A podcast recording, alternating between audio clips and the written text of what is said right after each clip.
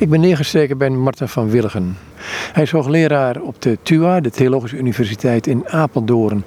En ik ga met hem spreken over Chrysostomus en een speciaal commentaar van Chrysostomus op Psalm 42. We zitten hier trouwens langs de Weteringse broek, onder de rook van Twello, eh, vlakbij een vliegveld, vlakbij een spoorlijn. Maar goed, dat hoort u vanzelf al tijdens het gesprek.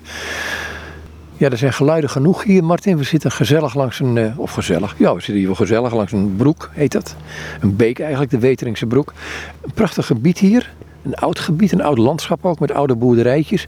Als ik hier met jou doorheen loop, dan is het, uh, moet je daar eens kijken, moet je daar eens kijken. Dit landschap heeft karakter, zou ik zeggen. Heel veel karakter. Uh, het is ook al heel vroeg bewoond. Hè? Dus die IJsselvallei is vanuit Deventer al in bezit genomen. En je hebt hier allerlei landgoederen, maar die hebben een hele oude oorsprong. Ook kleinere boerderijen zijn hier eeuwenlang in deze IJsselvallei geweest. dat was eerst heel kleinschalig. En dat zijn ook allemaal kleinere boerderijtjes geweest. Die vervolgens later weer wat zijn uitgebreid en wat groter zijn geworden. Maar de oudere boerderijen staan hier en daar, staan ze nog inderdaad gewoon overeind. Dan heb je het over boerderijen die toch echt wel 200 jaar geleden gebouwd zijn. Dan ben je hoogleraar op de TUA, bijzonder hoogleraar dacht ik zelfs. Een van de dingen die je mij vertelt als we hier doorheen lopen van... Kijk, een van mijn kinderen loopt hier in Krantenwijk en soms neem ik die over. Is dat een taak van een hoogleraar? Nou, misschien wel. Om dienstbaar te zijn is dat in ieder geval goed. Kijk, soms heeft een van je kinderen het uh, keidruk met een een of andere toets die gedaan moet worden. En dan kun je zeggen, ja, jij moet beter plannen. Kunt ook zeggen, nou goed, probeer die planning in de gaten te houden. Maar ik ga ook eventjes voor jou die kranten doen. Even drie kwartier ertussenuit, even bewegen. En niet alleen maar achter het uh, bekende scherm zitten. Dus dat laatste, dat uh, vind ik dan ook heel fijn om te doen. En ja, in goed overleg uh, doen we dat dan altijd even op deze manier. Chrysostomus, waar we het over gaan hebben, zijn commentaar op Psalm 42, die zat in ieder geval niet achter een scherm. Dat weet ik wel zeker. Nee, die stond uh, meestal natuurlijk voor zijn gehoor in een grote kerk. Hè? En uh, als hij dat gehoor zag, ja, dan leefde hij eigenlijk allemaal helemaal weer op. Dat zegt hij ook in een van zijn preken. Als ik jullie weer zie, dan word ik weer helemaal enthousiast en dan herleef ik weer helemaal. Dat vond ik eigenlijk ook wel heel mooi dat hij dat zo heeft gezegd. Want in deze tijd waarin we ook beperkingen hebben, merk je ook als je elkaar weer ontmoet en elkaar weer ziet, dat je dan weer enthousiaster wordt dan je was. En dat het ook uh, ja, bij mens zijn hoort om elkaar te ontmoeten, elkaar te spreken, elkaar te bemoedigen. Ja, dat hoort bij mens zijn. Ja, we leven in een gemeenschap, hè?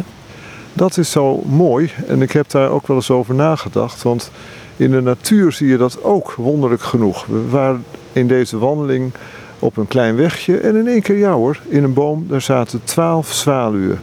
In één keer vlogen ze weg als zwerm ja, dan zeg je ja, maar uh, we zijn toch geen vogelzwerm? Nee, dat zijn we niet. Maar toch, aan de andere kant is het dus heel boeiend in de natuur, bij vogels, bij vissen, bij insecten. Denk aan de plagen in Egypte.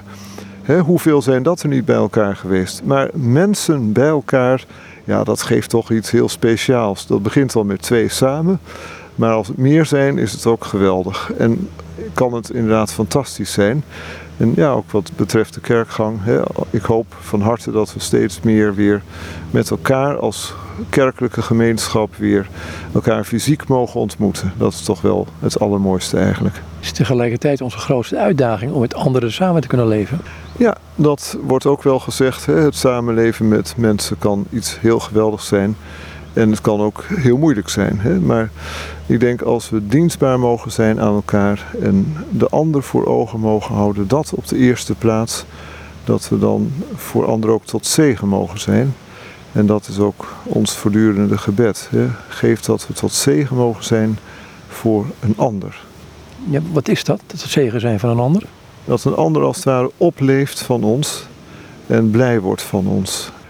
Ik denk dat je tot zegen bent voor een ander wanneer je inderdaad ook werkelijk laat zien dat je voor een ander wilt gaan. En daarmee in feite ook een navolger bent van Christus, die ook voor de mensheid heeft willen gaan.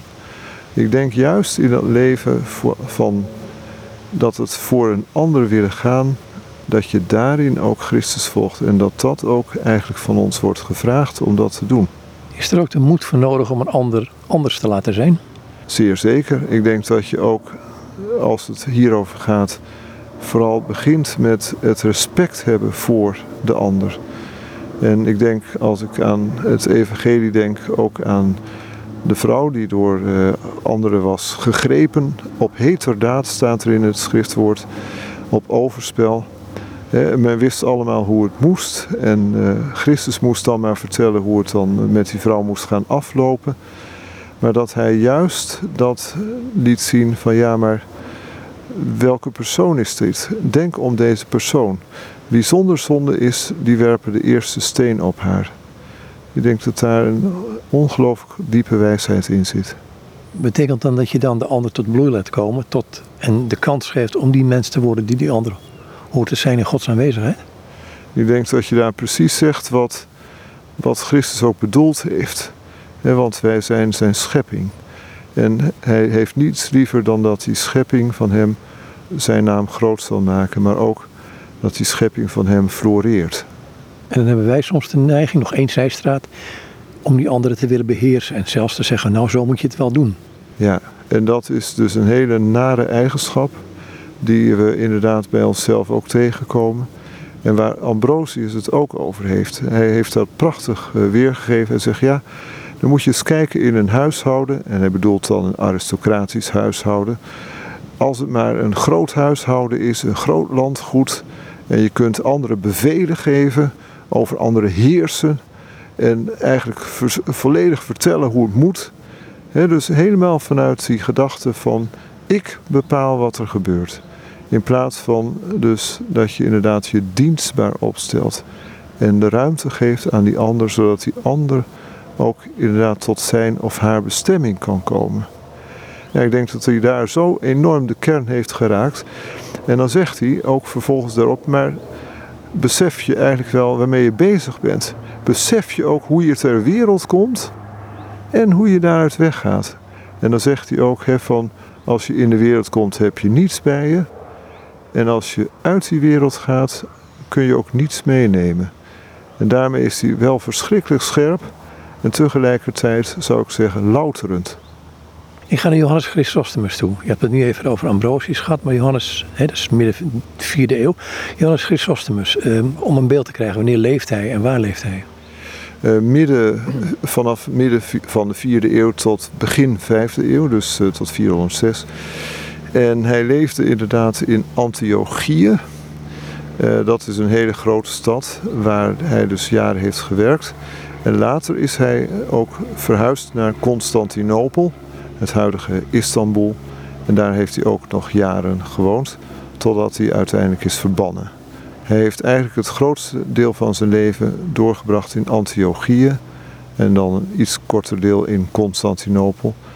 Dat was eigenlijk een bekroning, omdat Constantinopel nog weer groter was dan Antiochië. Dus hij werd daar ook gevraagd om bisschop te worden. Antiochië was toen een vrij groot patriarchaat, dacht ik was ook heel groot. Maar Constantinopel had ook prestige. Het was eigenlijk door Constantijn, keizer Constantijn, was het uh, ja, heel mooi gemaakt en groot gemaakt. En het had dus inderdaad ook heel veel potentie. Dus in die zin was Constantinopel ook een uh, stad met veel uitdagingen. We gaan het hebben over het commentaar van Chrysostomus op Psalm 42. Um, ehm, waarom een psalm? Want het is een psalm door David geschreven. Waar gaat hij over die psalm? Psalm 42 is uh, voor een deel is dat in deze preek behandeld.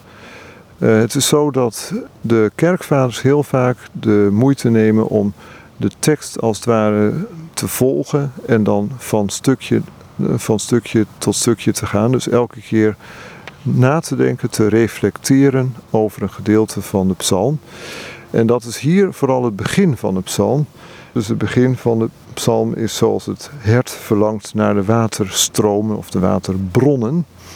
En daar gaat hij dus heel sterk op in, omdat die stromen waar het in die psalm over gaat, die zijn ook nogal vaak weergegeven in de prachtige baptisteria in de vroege, vroeg-christelijke tijd. En ja, dat is dus opmerkelijk. Dat heb ik mezelf ook afgevraagd bij het vertalen van deze psalm.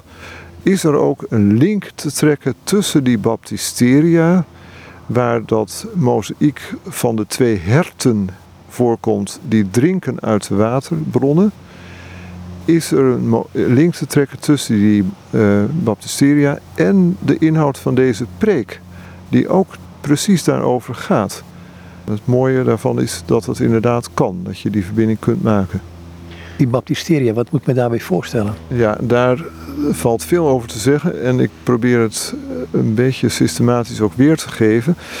Uh, als je eerst nagaat dat in de derde eeuw na Christus er nog heel veel huisgemeenten waren, waar dus ook wel gedoopt werd, in die gemeente zelf misschien, in een woonhuis. We hebben in ieder geval een doopplek in een uh, oud woonhuis, christelijk, vroeg christelijk woonhuis uit 232. Dat is dan ook het oudste wat we hebben, dat bekend is. Verder hebben we eigenlijk heel weinig teruggevonden, omdat we ja, gewoon niet zo goed weten hoe dat precies allemaal gegaan is. Maar vanaf de vierde eeuw is het zo dat dan de godsdienstvrijheid komt en dat er speciale gebouwen worden bestemd voor de eredienst.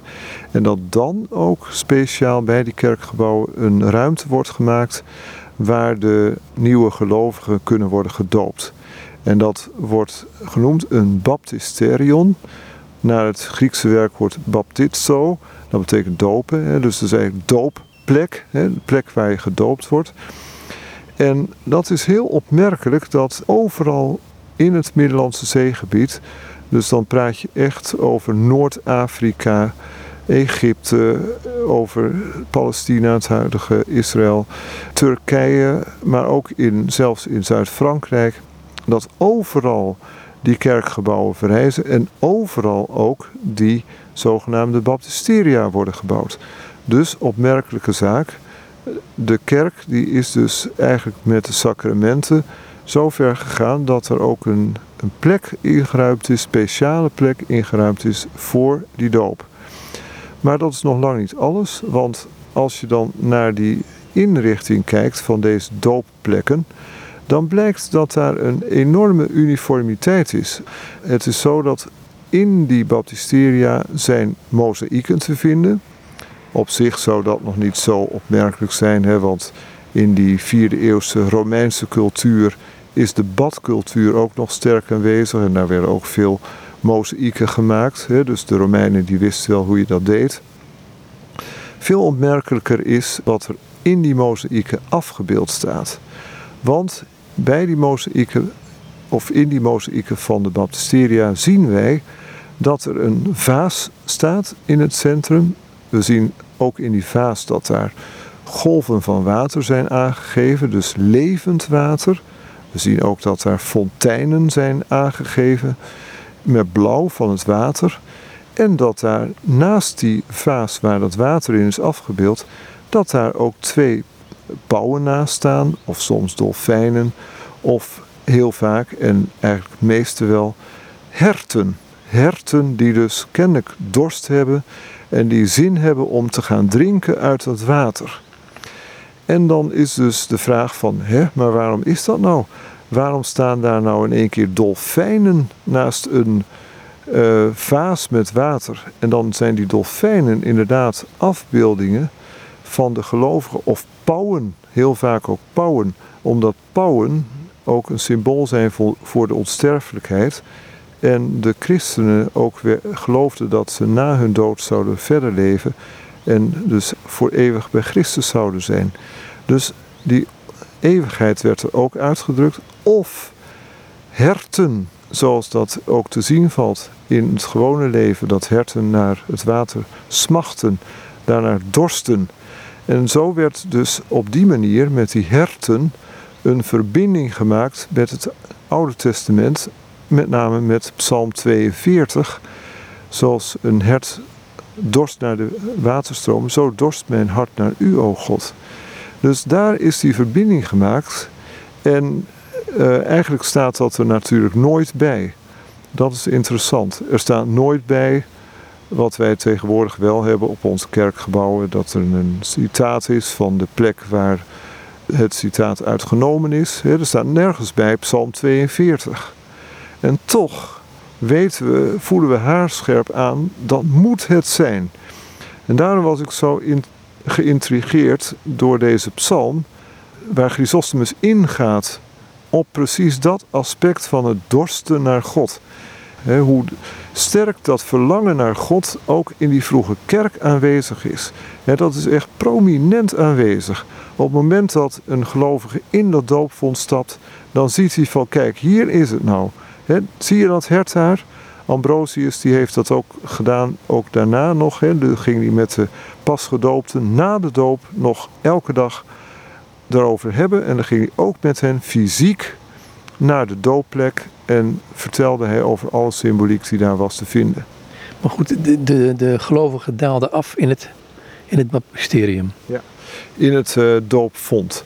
Uh, ook daar is nog meer symboliek, hè? vaak drie treden, ook voor de drie eenheid, hè? omdat de betrokkenen werd gedoopt in de naam van de Vader, de Zoon en de Heilige Geest. Ook heel vaak de symbolen van Christus, hè, met de alfa en de omega.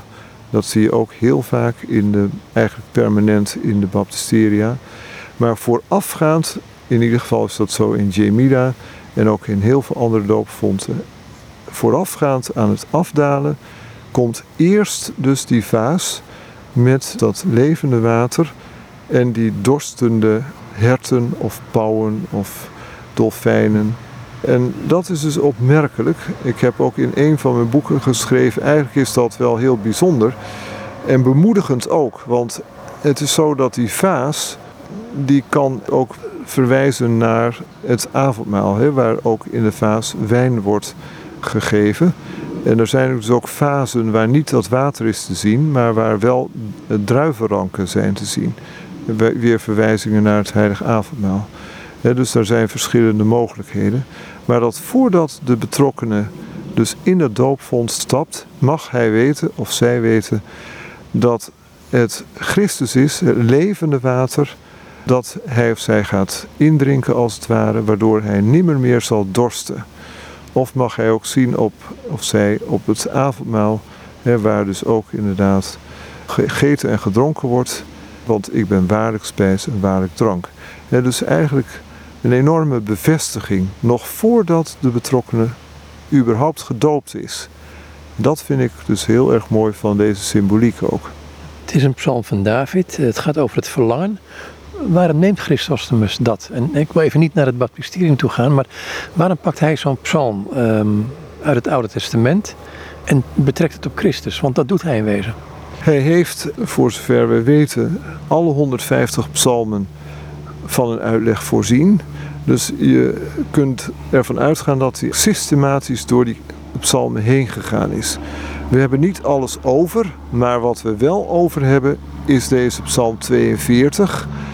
En in deze psalm 42 wordt dus over dat verlangen gesproken, maar dat werkt hij heel mooi uit aan de hand van de liefde die er is van de gelovige tot God. En hij werkt dat dus ook uit in de liefde zoals die gevonden wordt tussen man en vrouw. Eigenlijk is het zo dat hij dus die relatie met Christus en met God heel sterk naar voren brengt. Maar als ik naar David ga, Oude Testament, die verlangde naar God, uh, kan hij dat één op één overzetten op, op moderne geloven? Ik denk dat als dat verlangen door liefde wordt gedragen, oprechte liefde tot God, dat je het één op één over kunt zetten. Ik denk het wel. Omdat liefde toen of liefde nu is niet wezenlijk anders. Dat is hetzelfde. En er is daarom ook een enorme herkenning, ook bij de vertaler van deze werken. Omdat je denkt van ja, wat hij hier zegt, dat is zo existentieel, dat is zo in de kern. Hier gaat het inderdaad over. Kijk, toen eh, Christus aan Petrus vroeg: Hebt gij mij lief? Heeft hij daarmee een vraag gesteld die eigenlijk elk moment van de dag aan iedere gelovige kan worden gesteld. Hebt gij mij lief? Wat is verlangen in deze? Want kijk, het verlangen kan op een gegeven moment kun je naar verlangen naar iets. Maar hoe weet je dat het verlangen ehm, concreet op God gericht is? Je kunt zeggen het is de liefde. Ehm, maar wat houdt het verlangen exact in? Want je kunt je leven lang verlangen. En langdurig verlangen maakt het hart ziek, zeggen ze ook wel. Ehm, wat is hier zo anders aan? Ja, een hoopvol verlangen is het in ieder geval. Je weet dat je in dat verlangen niet wordt beschaamd. Hè? Dat God ook inderdaad zich zal betonen als degene die van jou afweet. Die jou inderdaad ook lief heeft. Hè? Die ook zijn liefde naar jou toe zal laten blijken. Dus het is uh, geen onbevredigd verlangen. Dat zou ik zeker willen zeggen. maar het is een oprecht verlangen, gedreven door de liefde. En dat verlangen wordt ook beantwoord. God laat ons, zeg maar, in alle eerbied gesproken, niet in de kou staan. Van Chrysostomus is bekend dat hij ook um, een aantal Joodse gebruiken niet meer in de kerk wilde, bijvoorbeeld. En zich daartegen afzetten. Maar waarom pakt hij toch deze psalmen dan, denk ik?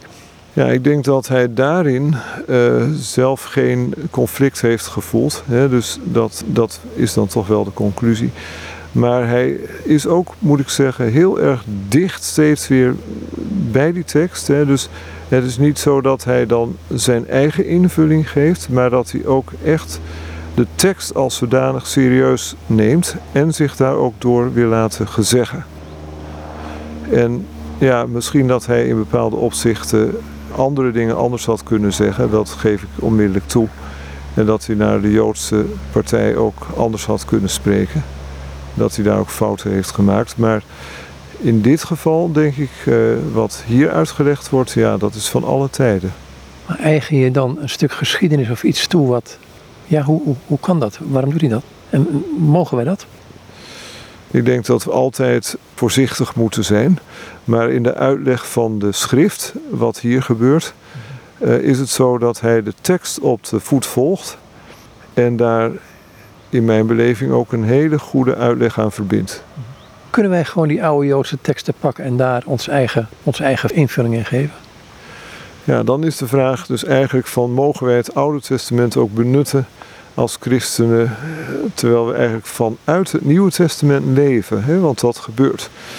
Ik denk dat dat volledig legitiem is als je kijkt naar bijvoorbeeld de uitleg die de Nieuwtestamentische apostelen geven van het Oude Testament, dan zie je ook dat zij duidelijk daarop zich richten en daar ook een, als ik het zo mag zeggen, een nieuwe duiding geven. dus eh, zo heeft eigenlijk het Oude Testament verschillende lagen of verschillende niveaus. En die verschillende lagen en die verschillende niveaus, die, eh, ja, die vind je niet alleen in het Nieuwe Testament terug, maar ook bij de apostelen, maar ook in de vroege kerk. Kun je een stukje lezen uit deze, uh, dit commentaar? Want hij begint met het verlangen in wezen. Um, en hoe werkt hij het verder uit? Hij werkt dat uitgebreid uit, maar... Ja, hij, kon nog op, hij kon nog op preken. Wordt, ja, wordt hij niet de gouden mond genoemd? Hij werd de gulden mond genoemd en niet een onrechte. Omdat juist dat, ja, hij, de manier waarop hij dus met de tekst omgaat is gewoon heel erg wervend, zou ik willen zeggen. Hij geeft eigenlijk steeds weer opnieuw een uh, ja, geweldige draai aan, uh, aan de tekst. Hè, dit bedoel ik heel positief. Hè. Je zou kunnen zeggen, hè, hij geeft een geweldige drive eraan. En hij noemt dus het begin van de psalm een voorwoord. En nadat hij dan eerst heeft uh, gesproken over hoe positief het is om ja, te zingen en hoe positief het uitwerkt, hè, daar kan ik zo meteen nog wat meer over zeggen, gaat hij dan vervolgens op het voorwoord in. En dan begint hij heel, ja, je zou kunnen zeggen, heel erg bij de basis. Wat is dit voorwoord? Dus je zou kunnen zeggen, die gelovigen die daar zitten, die moeten eventjes weer even tot de kern worden bepaald. Wat is dit voorwoord? En dan leest hij de tekst voor. Zoals het hert dorst naar de waterbronnen, zo verlangt mijn ziel naar u, o God. Punt. En ik stel me zo voor dat hij toen even stilte heeft genomen om vervolgens het volgende te zeggen. Het is de gewoonte van geliefden om de liefde niet in alle stilte te onderdrukken, maar om die juist aan de naaste te laten blijken en te zeggen dat zij die ander lief hebben, waar we het net over hadden. Want de ware aard van de liefde is iets waar de warmte van afstraalt. En de ziel zal niet kunnen uithouden om die, om die stilzwijgen te verbergen. Daarom zei Paulus ook tegen de Corinthiërs: Onze mond is tot jullie geopend, Corinthiërs. Dat wil zeggen, ik kan de liefde niet tegenhouden en door stil te zijn buitensluiten, maar ik draag jullie de hele tijd overal en in mijn gedachten en in mijn spreken op mijn tong. Zo houdt ook de gelukzalige die God lief heeft en die in vuur en vlam staat doordat hij lief heeft, het niet uit om te zwijgen. Maar hij zegt op een gegeven moment, zoals het hert verlangt naar de waterbronnen, zo verlangt mijn ziel naar u, o God. God, mijn God, tot u kom ik s'morgens vroeg. Mijn ziel heeft dorst naar u gekregen, als een onbegaanbaar en droog land en zoals een woestijn. Zo sprak een ander van de uitleggers. Dus hij citeert hier ook dan weer een andere Bijbeltekst, om dat verlangen nog weer verder uit te leggen.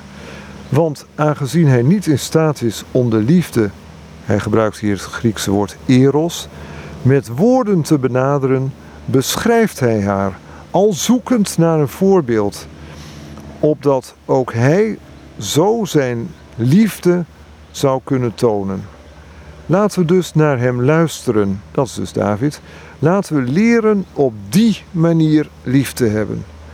En laat niemand nu tegen mij gaan zeggen: hoe kan ik God lief hebben die ik niet zie? We houden toch van velen die we niet kunnen zien, zoals de vrienden die we hebben in het buitenland, of familieleden en huisgenoten er ontstaat ook geen enkel beletsel uit het niet zien, maar het doet juist de liefde nog het meest ontvlammen. Het zorgt ervoor dat het verlangen toeneemt. Ja, Paulus die zegt over Mozes dat hij de schatten en rijkdom en de heerlijkheid van het prijs, als ook alle andere schitterende dingen in Egypte achterliet en ervoor koos om liever met de Joden slecht te worden behandeld. En om, om ons vervolgens de oorzaak te leren dat hij al die dingen deed vanwege God, voegde hij eraan toe, want de onzichtbare, als het ware ziende, kreeg hij kracht. Dat is uit Hebreeën 11, vers 25. Dus de onzichtbare, als het ware ziende, kreeg hij kracht. U ziet God niet, maar wel alles wat hij geschapen heeft. U ziet zijn werken, de hemel, de aarde en de zee. Iemand die lief heeft, wordt helemaal warm als hij iets ziet dat door zijn geliefde is gedaan. Of wanneer hij haar sandaal ziet, of haar mantel, of wat ook maar. U ziet God niet, maar zijn huisgenoten wel, zijn vrienden. Ik bedoel zijn heilige mannen, hen die vrijmoedigheid hebben. Dien hen nu, en u zult een vertroosting hebben voor uw gemis. Een vertroosting die u niet toevallig ten deel valt. Want bij mensen zijn we gewoon niet alleen slechts onze vrienden, maar ook hen die door hen worden bemind, lief te hebben. En als iemand van onze geliefden zegt, die en die heeft mijn sympathie, en als hij dan iets voortreffelijks van ons ervaart, dan zie ik het zo dat die vriend van een weldaad geniet. We doen er alles aan en zijn er helemaal op gericht om vooral onze serieuze inzet te laten blijken ten opzichte van hem die we lief hebben, alsof we hem van wie we houden daadwerkelijk voor ogen hebben. Wel nu, dat kunnen we ook zo op Christus toepassen. Als hij nou, als hij nou zegt op een gegeven moment, ehm, als ik van die stukken hoor en lees, um, zoals je het voorleest, mijn ziel heeft dorst naar u gekregen. En zegt hij verderop, zegt hij, um, gij vertroost mijn ziel, zegt hij op een gegeven moment ook in een andere psalm. Of ik hoop op u. Is dat ik en die ziel, zijn het twee uitwisselbare eenheden? Of is je ziel toch iets datgene wat moeilijk definieerbaar is in onszelf? Ja, maar wel eigenlijk het diepste zijn van ons. Zo zou ik het kort willen samenvatten. onze innerlijke gedachten, ons innerlijke leven. Mhm. We zijn meer dan alleen maar een lichaam, maar we hebben ook een innerlijk leven. Ja. Dus als, als ik zeg, ik verlang naar u en gij vertroost mijn ziel, dan zit ik op verschillende niveaus al. Ja, dat kun je misschien zo wel zeggen. maar uh, gij vertroost mijn ziel zie ik ook wel als dat die vertroosting heel erg ook op de mens zelf gericht is. dus dat God persoonlijk bij ons komt. De ziel is eigenlijk ja, de kern van ons bestaan. Goed, tegenwoordig zijn wij onze hersenen. Ja, dat wordt wel gezegd. Maar ik denk dat het verder gaat. Mhm. Lijkt mij ook. Uh, zullen we naar volgende stuk gaan? Want hij heeft het over het verlangen, heeft hij het uitgebreid, maar ook over zingen, zei al eerder. En daar wil je op terugkomen. Want het zingen is wel een wezenlijk iets ehm, wat we een hele tijd niet hebben mogen doen in de kerk vanwege allerlei uh, maatregelen. Toch niet verkeerd. Nee, en dat is zo mooi, want hij gaat daar dus ook op een, je zou kunnen zeggen, op een uh, hele ontspannen manier mee om. En ja, dat, dat is zo verkwikkend als je dat uh, leest. Luister waarom wordt gezegd met gezang. En dus dan gaat hij alleen op twee woorden in met gezang. En zegt hij het volgende: God, die van boven wel had gezien dat velen onder de mensen nogal gemakkelijk zijn ingesteld en voor het lezen van de geestelijke zaken soms moeilijk enthousiast te krijgen zijn, als ook de vermoeidheid die daaruit voortvloeit niet gemakkelijk kunnen verdragen, God heeft, omdat hij deze inspanning wat aantrekkelijker wilde maken en het gevoel van vermoeidheid de pas wilde afsnijden, een melodie bij deze prachtige profetie gevoegd. Dus hij zegt: luister goed, God gaf er nog iets bij, een melodie. Waarom? Waarom eigenlijk? Nou, omdat allen door het ritme van deze melodie geestelijk zouden worden meegenomen en met veel bereidwilligheid de heilige hymnen en lofzangen tot hem zouden opzenden. Immers, niets, ja werkelijk niets richt de ziel zo op en geeft de ziel zo vleugels en maakt de ziel zo los van de aarde en bevrijdt haar zo van de boeien van het lichaam en maakt dat zij de wijsheid bemint en moet lachen om alle dingen van het gewone leven als de melodie de melodie van een symfonie. Een lied van God dat overeenstemt met het ritme ervan. Want onze natuur is bij gezangen en melodieën net zo aangenaam gestemd en voelt zich daarbij net zo thuis als kinderen die nog aan de borst zijn en wanneer ze tot rust worden gebracht, als ze huilen en ontevreden zijn. De vroedvrouwen wiegen hen in hun armen en lopen vele malen op en neer en betoveren hen met hun kinderliederen. Om die reden is het ook zo dat reizigers die rond de middag hun lastdieren voordrijven, dat heel vaak zingen doen, terwijl ze de afmatting ten gevolge van de reis verzachten met dat soort liederen. En niet alleen reizigers doen dat, maar ook landarbeiders die in de wijnpersbak lopen of de oogst binnenhalen, of voor de wijnstokken zorgen, of wat voor werk ze ook maar doen. Heel vaak zingen ze. Ook zeelieden doen dat wanneer ze hun roeispanen heen en weer bewegen. Evenals de vrouwen die aan een weefgetouw werken, de scheringen die door elkaar geraakt zijn met hun weversnaald weer uiteenhalen. Vaak zingt iedere vrouw voor zichzelf, vaak zingen ze ook met elkaar en samen eenstemmig één en dezelfde melodie. Zowel vrouwen doen dat als reizigers, landarbeiders, zeelieden doen het, waarbij ze zich beijveren de moeite van hun werken door het zingen te verzachten, opdat de ziel, wanneer ze de melodie en het gezang hoort, al die moeitevolle en inspannende arbeid gemakkelijk kan verdragen. Nou, einde citaat, maar prachtig natuurlijk. Hè? Goed, er zit toch iets. Ik ga weer terug naar die ziel. Want hij zegt van. Uh, jij gaat zingen zodat mijn ziel vertroost wordt. Ja. Merkwaardig, kun je dat uitleggen? Ik denk dat het zingen, dat dat de mens eigenlijk het meest opheft. Hè? Dus het innerlijk van de mens het meest opheft. Er wordt ook wel gezegd dat eh, met name het zingen, ik denk ook aan uh, bijvoorbeeld Bach met de Matthäus Passion, hè, dat dat de mens zo bepaald bij eh, het wezen van de zaak. dus dat, en dan kom je natuurlijk ook hierbij op een liturgisch punt, van ook in de eredienst, dat het zingen van psalmen en lofliederen, dat dat ook een hele grote waarde heeft. En als het gaat over de ziel, dat de mens eigenlijk ten volle, de innerlijke mens ten volle wordt geraakt. Mag ik het zo zeggen? Je mag het zeggen zoals je het wil, dat, dat is geen probleem. Maar voor mij is gewoon het punt, wat, wat ik me altijd, ik verwonder me daarover. Ik weet dat ik ooit door de polder reed en op mijn fiets en ik was, wat, ik was aan het nadenken en wat, wat dauwig. En in ene moest ik aan die psalm denken van, eh, mijn ziel, wat ben je neerslachtig in mij, kijk omhoog. En ik kijk ook letterlijk omhoog. Maar het is of ik dan of ik er ben en mijn ziel er is. En dat bedoel ik niet dat ik een dubbele eenheid ben, maar het is of je ziel, als het dat je diepste wezen is, ehm, dat het soms aangesproken moet worden. Wat ik verwonderlijk vind. Ja, maar ik denk als je inderdaad het Oude Testament leest, dat je dus de, steeds dat ook weer tegenkomt. Hè? Dus dat die ziel, dat die eigenlijk steeds genoemd wordt als zijnde inderdaad het innerlijk van de mens, dat, eh, ja, dat ook zo'n zo behoefte, zo'n behoefte heeft aan die bemoediging door God, die vertroosting.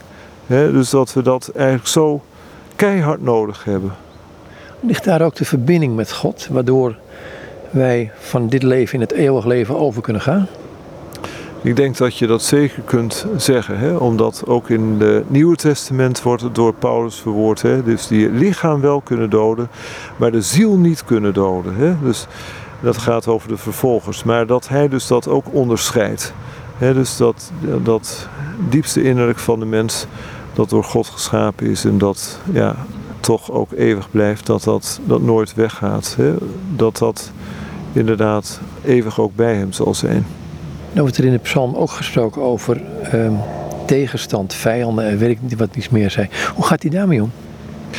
In deze preek uh, gaat hij daar niet zo direct op in, omdat hij concentreert zich met name inderdaad op het begin hè, en ook op, op dat zingen. Maar waar hij wel op ingaat, en dat is ook zeker heel belangrijk, is dat hij zegt van ja, het zingen van psalmen, dat nodigt eigenlijk uit tot reflectie over God. En dat zorgt ervoor dat je eigenlijk daarmee bij hem aanknoopt, als ik het in alle eerbied zo mag zeggen.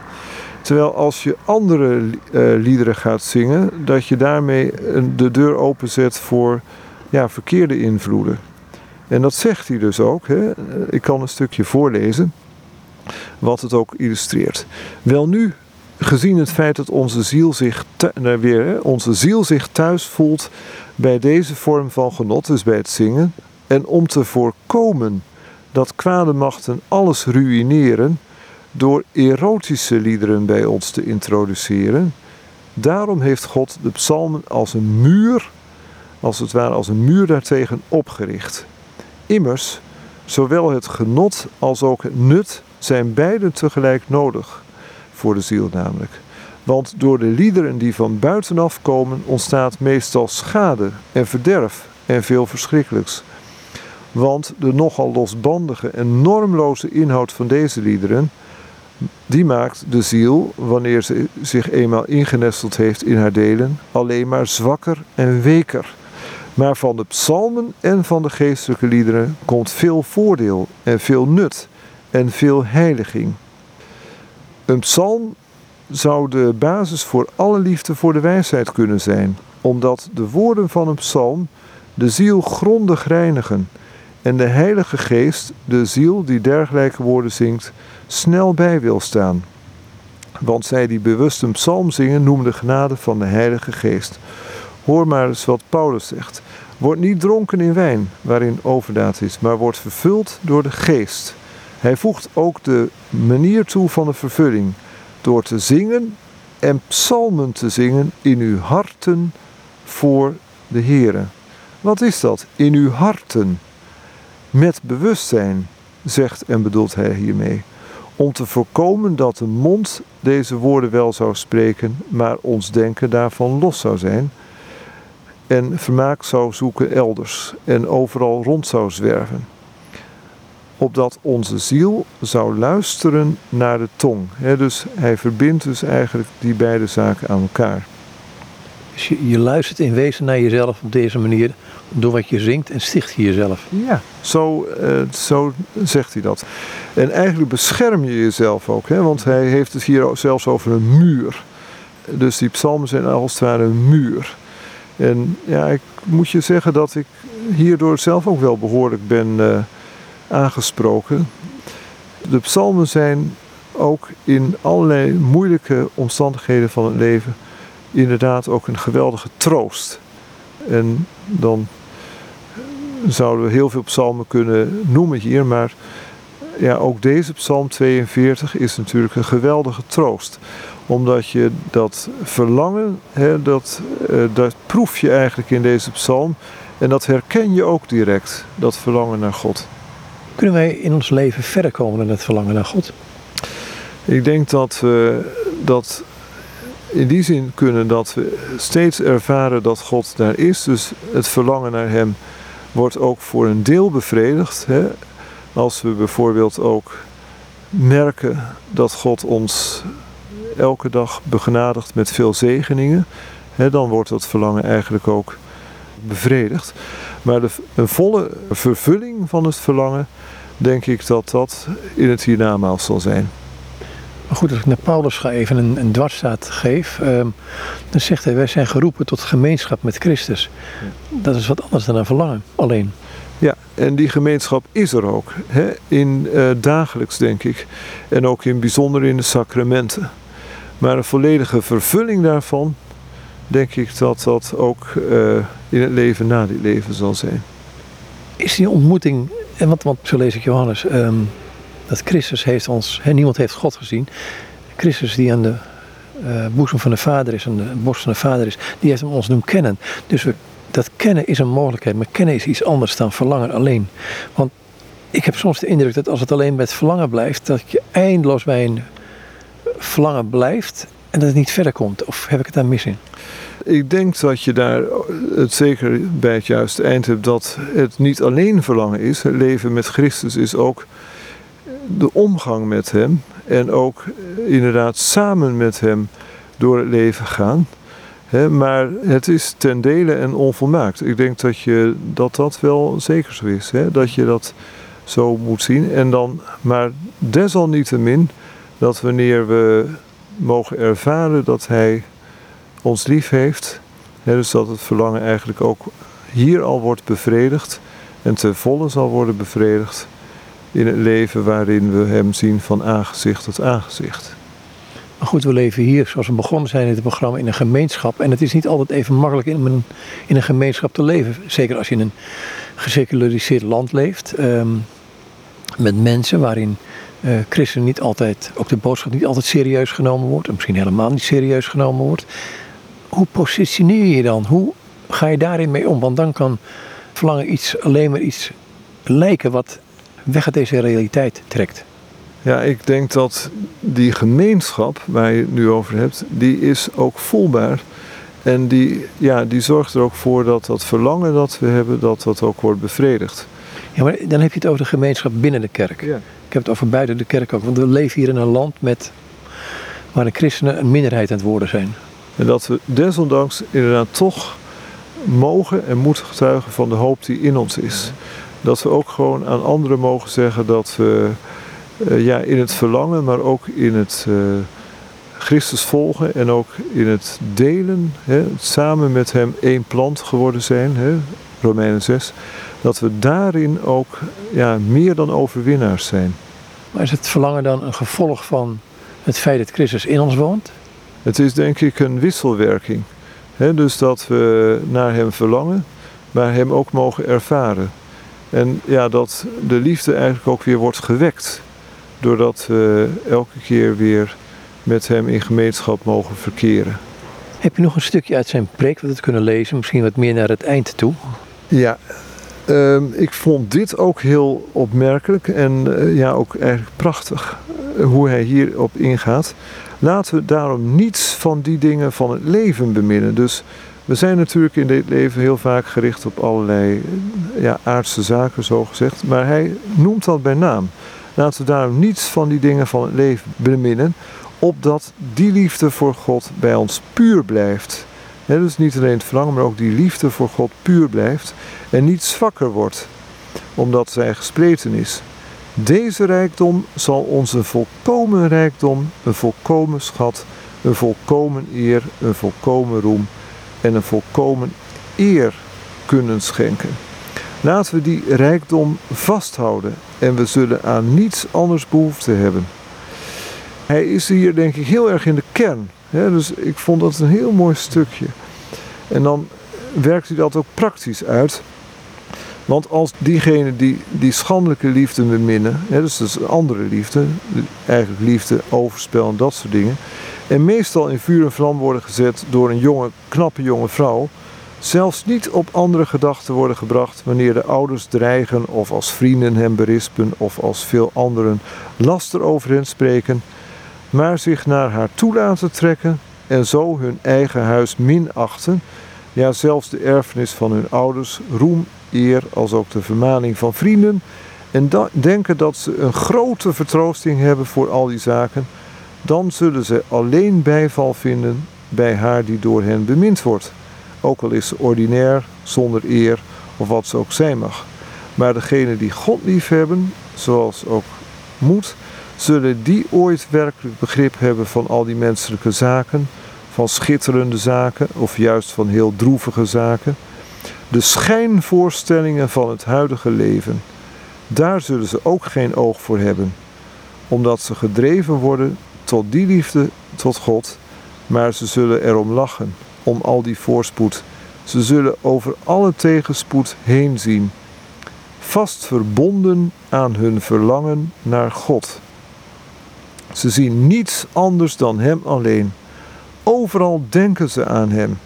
Ze beschouwen zichzelf gelukkiger dan iedereen.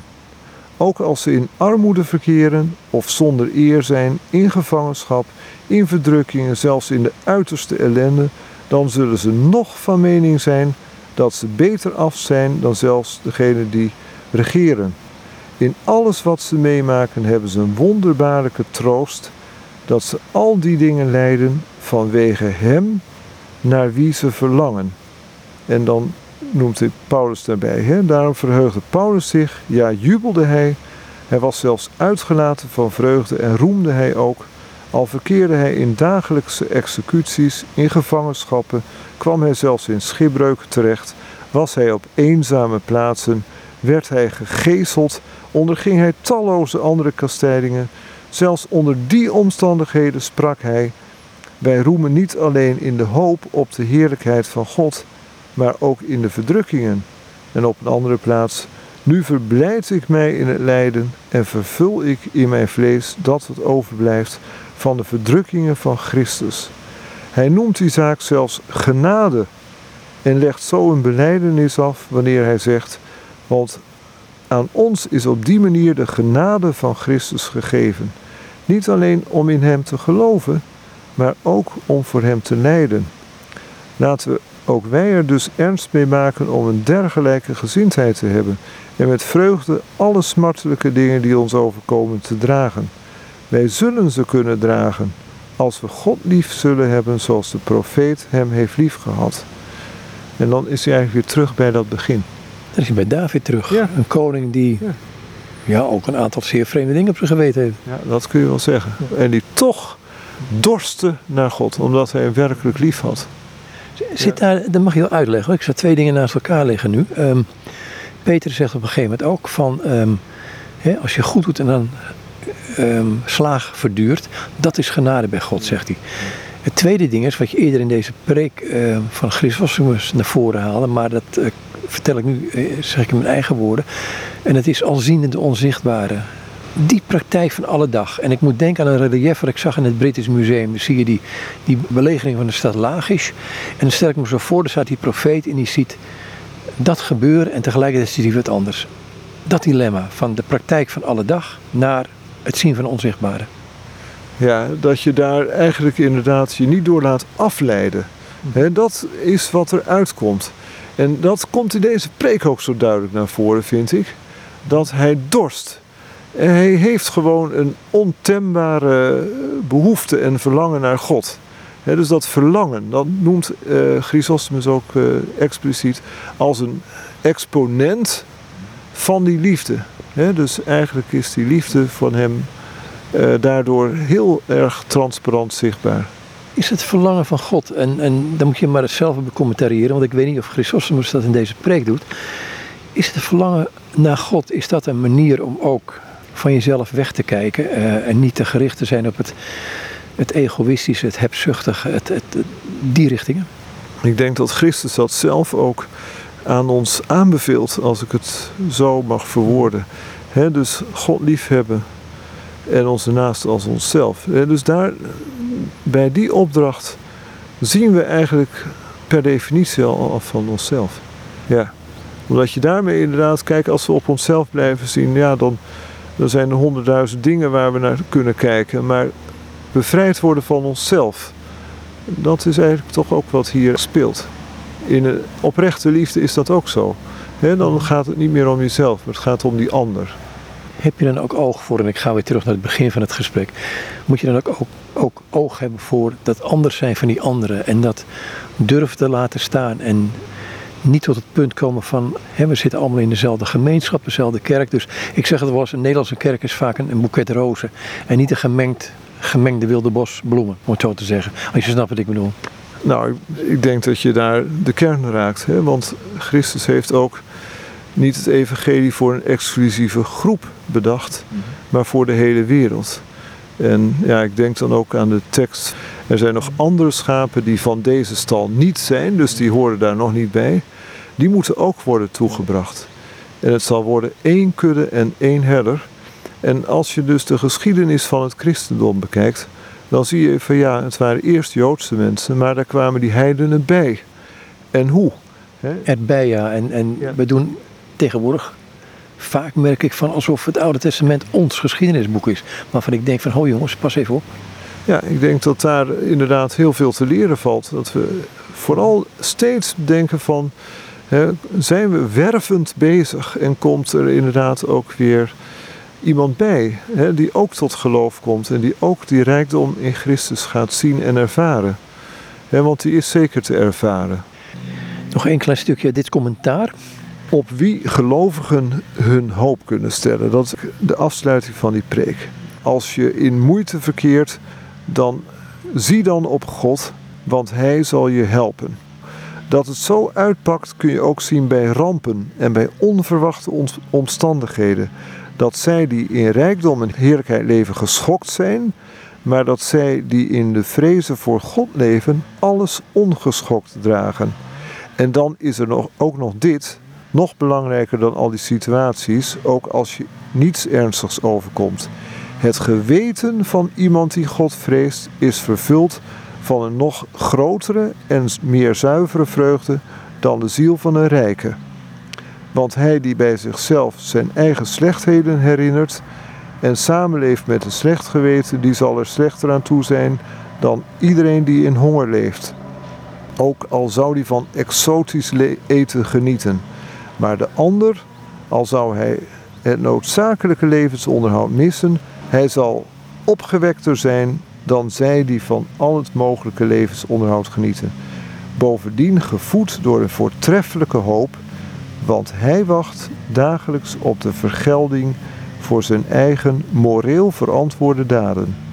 Maar om niet de indruk te wekken overlast bij u te willen veroorzaken door het betoog te lang te maken, en terwijl ik het aan hen die meer inspanning liefhebben overlaat om ieder antwoord op de psalm en wat erin opgesloten ligt helemaal te lezen, zal ik nu het betoog afbreken die zaken waar we het over hadden, dringend aan u geliefd gehoor aanbevelend. Om hier niet simpel naar binnen te gaan in de kerk, maar om na de gezongen antwoorden te hebben vernomen, deze als parels te bewaren en deze thuis voortdurend te overdenken. En over die zaken bij uw vrienden en bij uw vrouwen te spreken. En als een emotie u in de war brengt, of als een begeerte de kop opsteekt, of als woede of welke andere onberedeneerde emotie u verwart, druk ze de kop in. Door die antwoorden van de psalmen steeds te zingen, opdat wij ook in dit huidige leven van veel gemoedsrust mogen genieten en in het toekomende leven de eeuwige goederen mogen verkrijgen door de genade en liefde voor de mens van Jezus Christus door wie en met wie aan de Vader, samen met de Heilige Geest, zij de roem, kracht en eer, nu en altijd, tot in alle eeuwigheid. Amen. Het hier belaten. Hey, dankjewel. Graag gedaan. En dit is Marta van Willigen en met hem was ik in gesprek over het commentaar van Chrysostomus op Psalm 42. Onder het geluid van een grasmaaier verderop, een trein die af en toe langs kwam, een vliegtuigje dat overvloog. Maar goed, we zitten in de buitenlucht onder de rook van Twello. Goed, zoals ik al zei, tot zover dit gesprek met Marta van Willigen.